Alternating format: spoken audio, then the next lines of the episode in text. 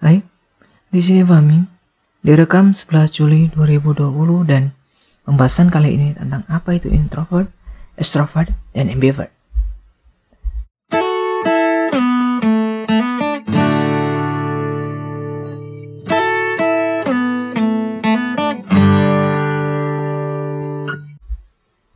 Wahai semua, untuk memulai pembahasan kali ini, mari pahami dulu apa itu introvert, extrovert, dan ambivert. Menurut Carl Gustav Jung dalam bukunya Psikologis Driven, introversion yang di dalamnya ada introvert, extrovert, dan ambivert adalah pengelompokan kepribadian manusia berdasarkan bagaimana manusia memperoleh gairahnya. Secara umum nih, pribadi yang extrovert mendapatkan gairah atau energi dari ekstra dari interaksi sosial. Extrovert biasanya memiliki kepribadian yang terbuka, senang bergaul, supel, serta memiliki kepedulian yang tinggi terhadap apa yang terjadi di sekitar mereka. Misalnya, kamu pasti sering lihat orang yang suka banget nimbrung ngobrol, terus nyaut aja gitu, tanpa aba-aba dan nongol pas lagi kalian ngobrol sama seseorang. Sementara introvert adalah kebalikannya, di mana dianggap mendapatkan gairahnya lewat menyendiri. Introvert biasanya cenderung pendiam, suka merenung, dan lebih peduli tentang pemikiran mereka sendiri. Contohnya aku bisa ambil dari diri sendiri. Sering banget nih, walau lagi ngerjain sesuatu, tangan itu lagi ngerjain, ngerjain sesuatu, pikiran tuh random aja gitu, mikirin sesuatu yang gak jarang, gak ada hubungannya sama apa yang aku, kerja, aku kerjakan pada saat itu. Kemudian di antara introvert dan extrovert, terdapat ambivert yang merupakan tengah-tengah nih antara extrovert dan introvert. Ah, meskipun terdapat perbedaan yang kontras antara introvert dan extrovert, Carl Jung menganggap bahwa jarang terdapat manusia yang sepenuhnya introvert, extrovert, dan ambivert.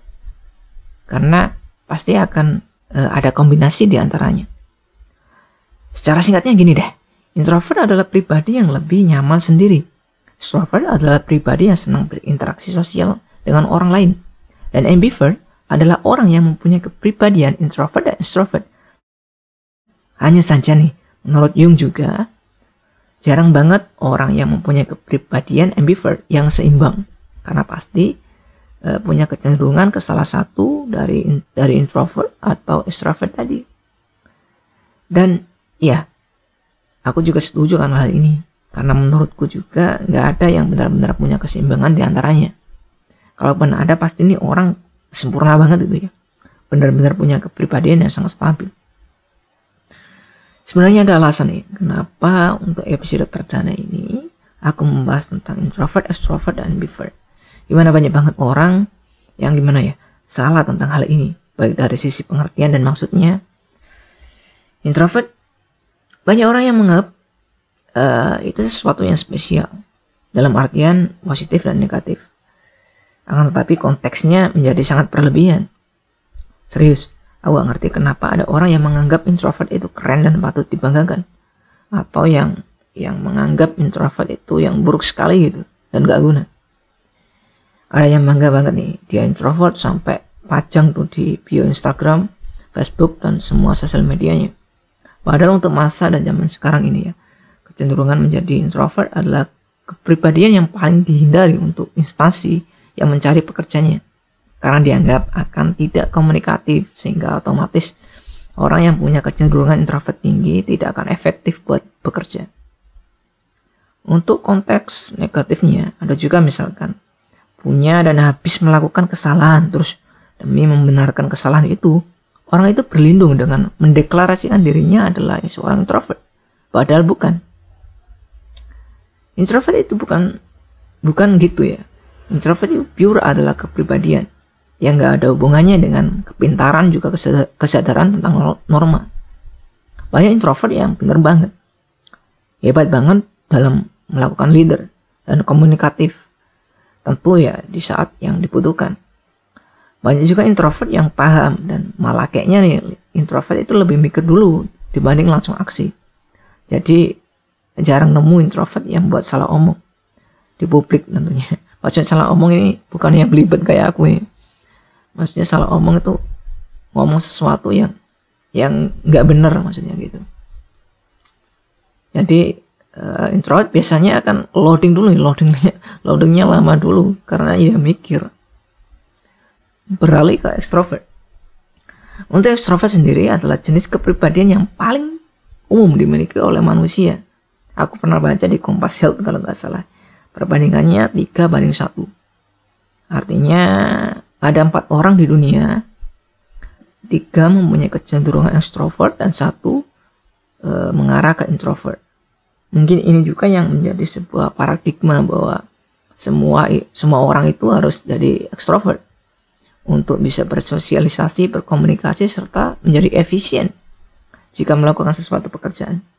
Padahal ya kembali lagi seperti tadi, ya nggak gitu juga. Sekarang, mana dong yang menjadi kepribadian yang lebih baik? Introvert atau extrovert? Untuk mengetahui itu, perlu kita perlu mengupas lagi nih garis besar perbedaan introvert dan extrovert secara ilmiah. Duh, secara ilmiah. Introvert atau extrovert? Seperti yang uh, aku mention sebelumnya, kedua istilah ini pertama kali diciptakan oleh psikolog Carl Jung pada awal uh, tahun 1900-an. Tetapi psikolog lain setelahnya ya, ini Han Eysenck and Asian gimana bacanya yang lebih jauh menguraikan pada tahun 1950-an sampai 60-an. Dilansir Silence Alert, pada dasarnya Ising menggambarkan perbedaan terbesar extrovert dan introvert adalah pada garis dasar gairah mereka. Introvert membutuhkan lebih sedikit rangsangan untuk menjadi puas, Sedangkan ekstrovert membutuhkan sedikit lebih banyak kegembiraan. Misalnya, seorang introvert mungkin akan puas hanya dengan bersepeda santai. Udah gitu doang, sepedaan aja. Sedangkan untuk ekstrovert lebih ingin pergi ada perintilannya gitu. Misalkan bersepedaan sambil foto-foto. Bersepedaan harus ke tempat tertentu. Bersepedaan e, harus sama seorang ini misalkan. Tim dari Asep Science mengungkap ternyata ada cukup banyak penelitian yang menunjukkan memang ada kesenjangan dari cara berpikir dan merasa antara introvert dan extrovert. Penelitian telah menemukan korteks prefrontal. Kalau yang nggak tahu, korteks prefrontal adalah salah satu struktur dasar otak yang menentukan kualitas perilaku manusia serta uh, pelaksanaan kegiatan yang paling kompleks ya yang menjadi tebal pada introvert saja dibandingkan dengan extrovert yang berhubungan dengan pemikiran dan perencanaan yang lebih dalam. Ini menunjukkan bahwa introvert kurang inklusif atau kurang mendapatkan dorongan melakukan tindakan daripada extrovert. Itu bisa menjadi hal yang baik, tetapi juga bisa membuat orang introvert lebih rentan terhadap kecemasan dan depresi. Jadi jangan heran ya kalau orang introvert gampang banget merasa depresi. Studi neurologis juga menunjukkan extrovert merespon lebih kuat terhadap reward atau penghargaan daripada extrovert. Misalnya nih, hormon dopamin yang diaktifkan lebih kuat ketika extrovert memenangkan kompetisi dibandingkan introvert. Extrovert juga memiliki lebih banyak aktivasi dopamin ketika mereka terhubung dengan manusia lain. Dengan kata lain, introvert tidak memerlukan interaksi sosial sebanyak extrovert untuk merasa lebih baik. Lalu, apa salah satu dari dua kepribadian ini ada yang lebih baik? Dari sudut pandang evolusi ya, baik introvert maupun extrovert akan memiliki keunggulan kompetitif di masa pemburu mengumpul. Artinya dengan introvert yang kurang impulsif, mikir-mikir dulu sebelum bertindak, lebih mungkin untuk bertahan hidup dibanding extrovert yang lebih mungkin menemukan sumber makanan atau air baru atau dari sudut, sudut pandang modern ya introvert mungkin lebih rapi dan punya banyak perencanaan matang dibandingkan dengan extrovert. Namun di sisi lain extrovert juga punya kesempatan lebih baik dan lebih dulu karena mau bertindak dan keluar ke depan sehingga kesempatan dan pilihan akan muncul lebih banyak. Nah, meski demikian, penelitian menunjukkan mungkin ada pemenang yang jelas di antara uh, introvert dan extrovert tapi bukan dari kedua tipe itu, melainkan dari tipe yang ketiga, yaitu ambivert. di mana orang-orang yang berada tepat di tengah spektrum introvert dan extrovert. Oh ya, bagi kalian yang blank banget nih, nggak tahu uh, kalian ini tipe uh, introvert, extrovert atau ambivert, caranya simple. Mari buat sebuah games, uh, mungkin lebih tepat ke tes ya, tes pertanyaan uh, aku akan membuat lima pertanyaan yang kalian harus jawab jujur. Pertanyaan ini adalah pilihan ganda, terdiri dari tiga jawaban A, B, atau C. Jadi kalian harus memilih A, B, atau C. Lalu ingat-ingat tuh uh, jawaban kalian A, B, atau C-nya. Bila perlu kalian catat dulu. Kalau kalian tanya aku udah tahu uh, aku ini tipe pribadi yang mana, aku akan bilang aku cenderung ke introvert. Walaupun nggak sepenuhnya nggak nggak sepenuhnya introvert. Ya udah deh kita mulai aja. Pertanyaan pertama apakah kamu kompetitif? A tentu saja. B tidak terlalu C sama sekali tidak kedua saat ingin melakukan hal menarik kamu akan A mengajak teman B. Mungkin mengajak teman. C. Melakukan sendirian. 3. Lebih enak lewat chat atau telepon. A. Telepon. B. Dua-duanya oke. C. Chatting aja deh. 4. Pilih main di luar atau di dalam rumah. A. Di luar. B. Tergantung mood. C. Di dalam rumah aja. Dan yang terakhir, 5. Apakah kamu akan awkward saat jalan bareng si doi untuk pertama kali?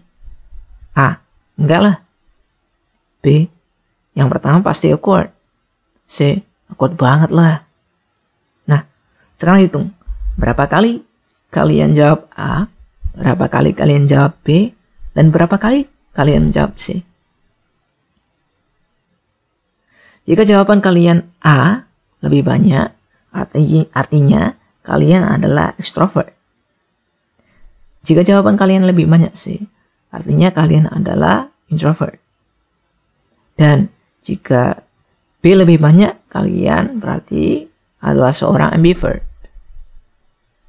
Sebenarnya tes di atas tidak sepenuhnya bisa menjadikan patokan pasti, karena mungkin butuh lebih dari lima pertanyaan untuk tahu. Tes seperti ini semakin banyak jumlah pertanyaan, maka akurasinya akan lebih baik. Bagaimana? Sekarang kamu tahu kan?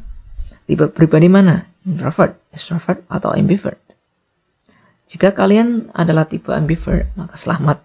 Kalian adalah tipe orang yang mungkin saja menjadi pemenang dari mana yang lebih baik. Kesimpulannya adalah introvert, extrovert, ambivert memang menjadi klasifikasi yang jelas tentang kepribadian. Dari semuanya, semua ada keunggulan dan kekurangan masing-masing. Extrovert tidak berarti lebih baik dibandingkan dengan introvert. Begitu pula sebaliknya. Walaupun ambivert adalah klasifikasi yang mungkin lebih baik, tapi jarang banget orang yang benar-benar mempunyai keseimbangan itu. Jadi, yang introvert jangan berkecil hati atau malah bangga dengannya. Yuk mari percaya diri dan untuk extrovert bukan berarti kalian lebih baik. Sedangkan untuk ambivert, hmm, kayaknya nggak ada sih ya eh masa sih ada yang benar-benar bisa seimbang itu masih nggak terima soalnya ya udah mungkin pembahasan mengenai introvert, extrovert, dan ambivert sampai di sini aja. Fahmi pamit, sampai jumpa lagi.